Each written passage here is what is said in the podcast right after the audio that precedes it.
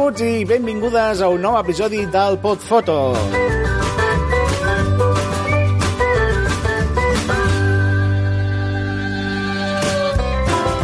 Tornem a ser aquí amb tots vosaltres després d'una setmana de vacances santes on no hi ha hagut episodi del Podfoto i ho fem, com veieu, un dia més tard del que és habitual, dissabte en lloc de divendres, per motius personals. Per, uh, us demanem disculpes per aquest retard en la publicació d'aquest episodi.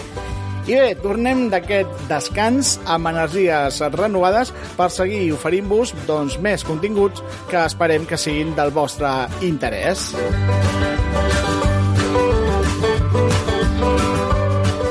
bé, com sempre, em presento, sóc en David Rius, eh, realitzador del podcast i fotògraf especialitzat en fotografia de concerts i espectacles.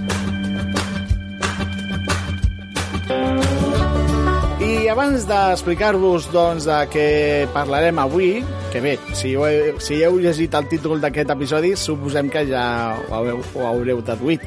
Doncs uh, us volem agrair a totes i tots els que ens escolteu la vostra fidelitat setmana rere setmana. Ens omple de satisfacció comprovar com aquest podcast cada vegada arriba més gent i com s'incrementa el número d'escoltes i descàrregues del mateix arreu del món. I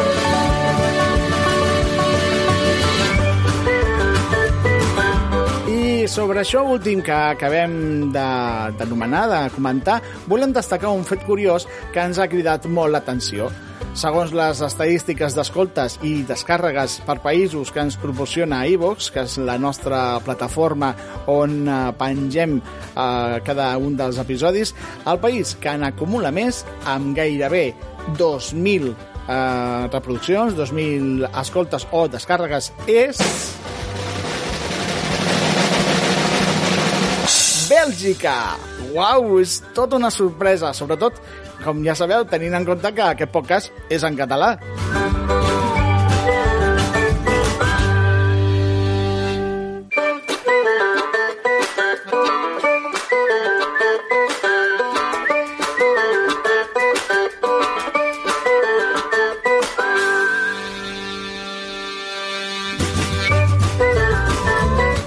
Com diem, estem força sorpresos de que aquest podcast sigui molt escoltat, segons les estadístiques que ens dona, que ens dona iVox, a Bèlgica.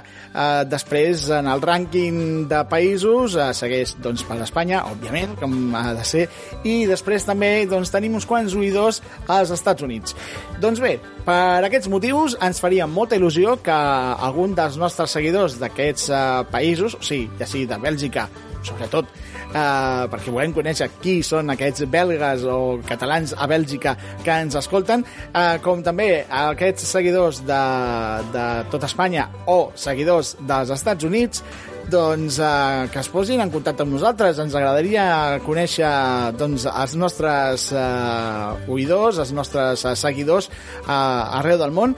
I doncs ja sabeu que um, ens podeu contactar, podeu contactar amb nosaltres mitjançant el nostre correu electrònic que és el mediacomradio arroba, arroba perdó, gmail.com mediacomradio arroba gmail.com ara ho he dit bé també via missatge directe al nostre compte d'Instagram, que és arroba podfoto barra baixa mediacomradio, podfoto barra baixa mediacom ràdio i doncs també ens podeu fer un missatge directe, un missatge privat al nostre compte de, de Twitter que és arroba mediacom.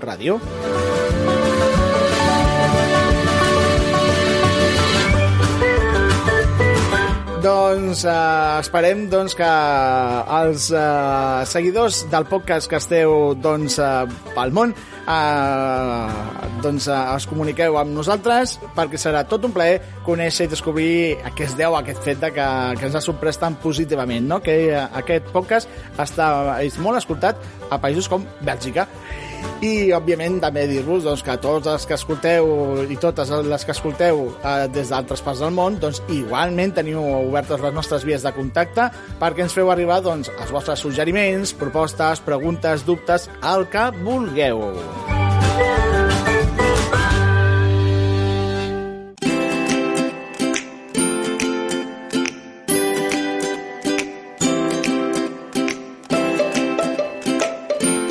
Ja sabeu que les nostres uh, vies de contacte uh, són doncs, el correu que acabem d'anomenar, mediacomradio arroba gmail.com, mediacomradio arroba gmail.com, el nostre compte d'Instagram, podfoto barra baixa mediacomradio, i el compte de Twitter, arroba mediacomradio.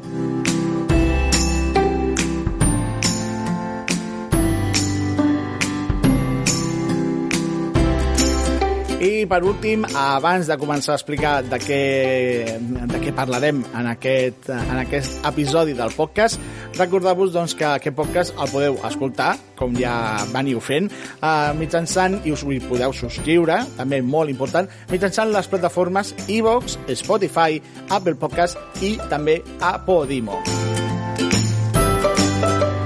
I bé, fet aquest agraïment a tots i totes els que ens escolteu arreu del món i aquesta crida pública que us, uh, que, que us faig doncs, uh, perquè participeu, perquè ens feu els vostres comentaris, suggerències o el que vulgueu, o només si ens voleu només dir hola, hola, estem aquí a Bèlgica, escoltem el podcast i així estem més, més a prop de Catalunya. Doncs serà tot un un honor per mi doncs, eh, poder, poder llegir o escoltar també podeu fer notes de veu, eh? El, el, nostre, el nostre missatge per, per el per foto barra baixa media com ràdio al nostre compte d'Instagram, doncs també ens podeu fer missatges de veu, eh? eh doncs estarem encantadíssims de que us, us comuniqueu amb nosaltres i que ens digueu doncs, de, des d'on ens escolteu. Vinga. I bé, després de tota aquesta, mm, aquesta parrafada que hem deixat anar a principi del programa, perdoneu que eh, aquest principi del programa s'està allargant una miqueta, però bé, ja comencem un nou episodi de podcast i avui us oferim doncs, eh, de nou la secció dels recomanats, on avui us recomanarem quatre fotògrafs i fotògrafes que us agradarà conèixer. Vinga, som-hi, anem a conèixer-los. Mm.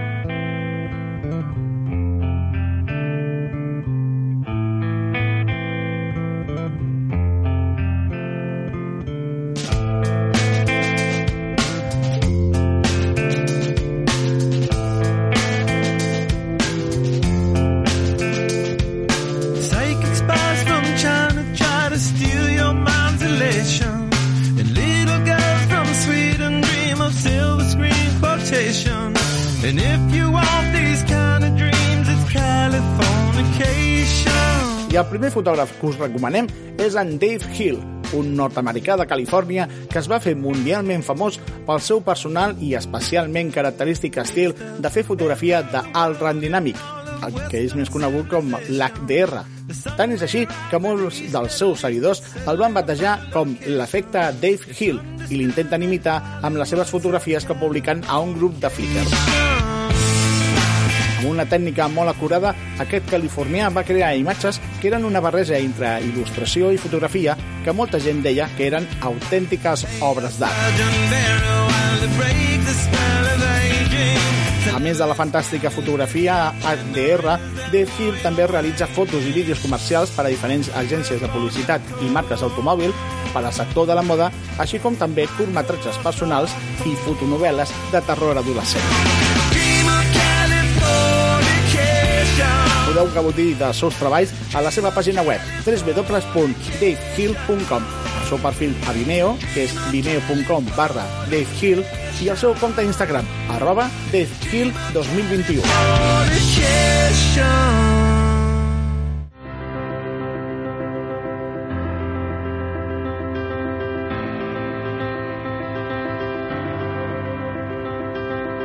I continuem amb aquesta llista dels 5 fotògrafs i fotògrafes que us agradarà conèixer amb una fotògrafa russa anomenada Elena Shumilova, que està especialitzada en imatges infantils i familiars i que treballa a la llum d'una manera impressionant. Les seves fotografies sempre apareixen en entorns naturals preciosos que ajuden a Helena a transmetre una mena de màgia especial en cadascuna de les seves fotos, amb colors que emocionen i composicions espectaculars.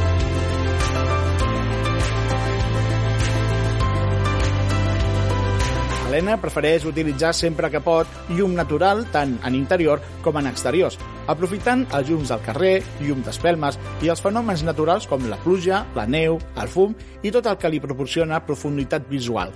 Les seves fotos han aparegut en desenes de publicacions de tot el món, incloses les revistes Digital SLR, Practical Photography, Digital Photo, SLR Lounge o My Modern Met. Les imatges i vídeos d'Helena també han estat utilitzats per campanyes publicitàries de Vodafone i han sigut portades de llibres i de postals al Regne Unit, Alemanya i als Estats Units. Viu i treballa al camp de la regió de Tver, a Rússia, viatjant per tot el món amb els nous projectes i tallers. Podeu veure els seus impressionants treballs a la seva pàgina web www.eshumilova.com a la seva pàgina de Facebook facebook.com barra Shumilova Elena Alexandrovna i el seu compte d'Instagram arroba Elena barra baixa Shumilova.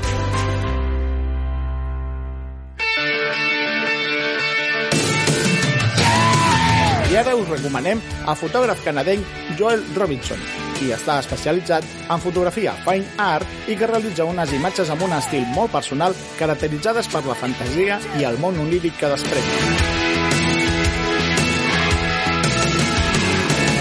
Una trajectòria de més de 11 anys, Robinson ha creat milers de fotografies que, a través de la seva mirada i la seva manera d'explicar històries i d'expressar-se, cavalquen entre la realitat i la ficció, els treballs d'aquest canadenc han estat utilitzats a tot el món per clients com Yahoo, Adobe, Marriott, Photonews Canada, Coca-Cola i la FIFA.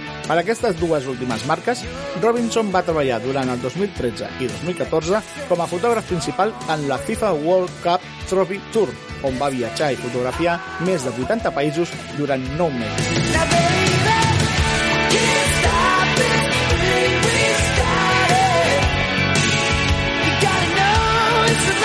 Més de la seva tasca de fotògraf per a aquestes grans marques que hem anomenat, Joel Robinson també s'ha dedicat a la docència, sector on ha tingut l'oportunitat de formar a més de 900 estudiants de 10 països en una sèrie de tallers de fotografia dirigits tant a crear un portfoli creatiu com a establir una empresa de fotografia i tenir presència a les xarxes socials.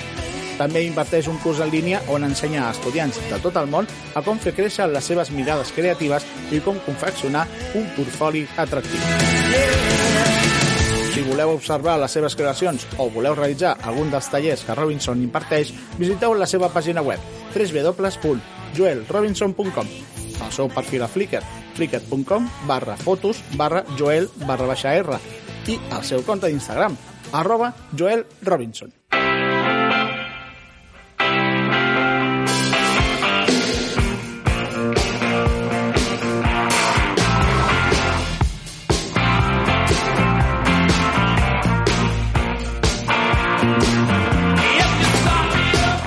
l'última recomanació que us fem ens porta fins la Bella Itàlia per parlar-vos de Patrizia Savarese, una fotògrafa nascuda a Roma l'any 1953, que va cursar estudis d'arquitectura d'interiors i posteriorment de fotografia i que va començar la seva carrera professional com fotògrafa al món de l'espectacle, acompanyant a les més famoses estrelles internacionals del rock, seguint els seus concerts i gires per Europa.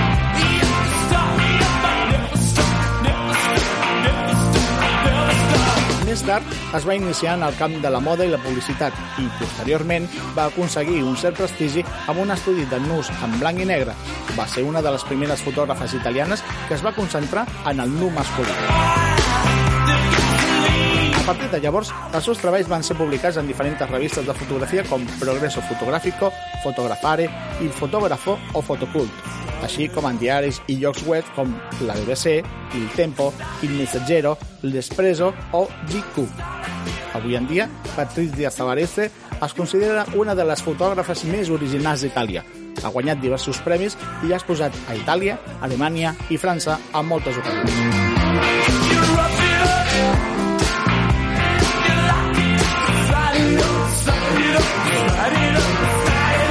Ha tingut reconeixements a la seva carrera professional com va ser el que li va otorgar al diari Corriere della Sera l'any 2008. que la va incloure a la col·lecció Photobox amb imatges dels més grans mestres de la fotografia internacional, o la inclusió de fotografies seves al llibre de celebració dels 100 anys de Nikon dins dels 100 fotògrafs italians per a la marca Nikon.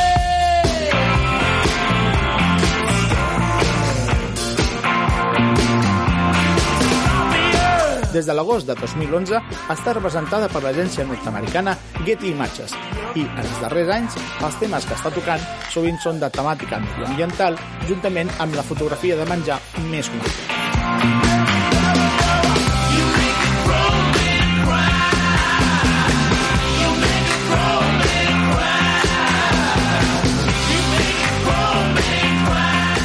Voleu saber més de Patricia Sabarese i veure el seu treball fotogràfic, ho podeu fer a la seva pàgina web www.patriciasabarese.com i al seu compte d'Instagram, arroba Patricia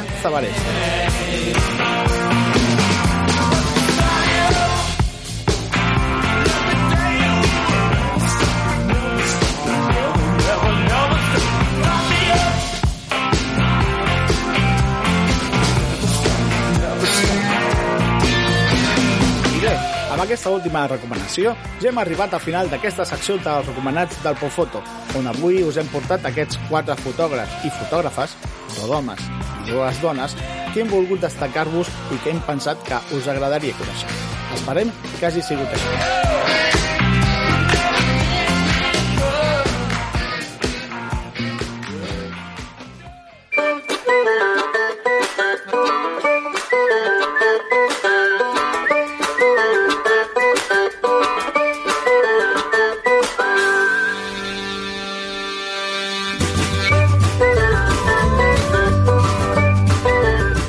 Hem arribat al final d'aquest 13è episodi del Podfoto, on us hem ofert la secció de recomanats i on us hem recomanat, doncs, com dèiem, aquests quatre fotògrafs i fotògrafes, dos homes i dues dones, que us agradarà conèixer seguríssim. Ja sabeu que tornarem d'aquí una setmana, si no hi ha una setmana de vacances entre mig, que ja sabeu doncs, que tothom tenim ganes de descansar de, de tant en tant, doncs eh, d'aquí una setmana amb un nou episodi del Postfoto. Fins llavors ja sabeu que ens podeu seguir al nostre perfil d'Instagram, que és podfoto barra baixa Mediacom Ràdio, podfoto barra baixa Mediacom Ràdio, i escoltar-nos mitjançant les plataformes iVox, Spotify, Apple Podcast i Podimo. Ah, i no us oblideu de subscriure-us-hi, eh? Gràcies. Que tingueu una molt bon cap de setmana. Adeu!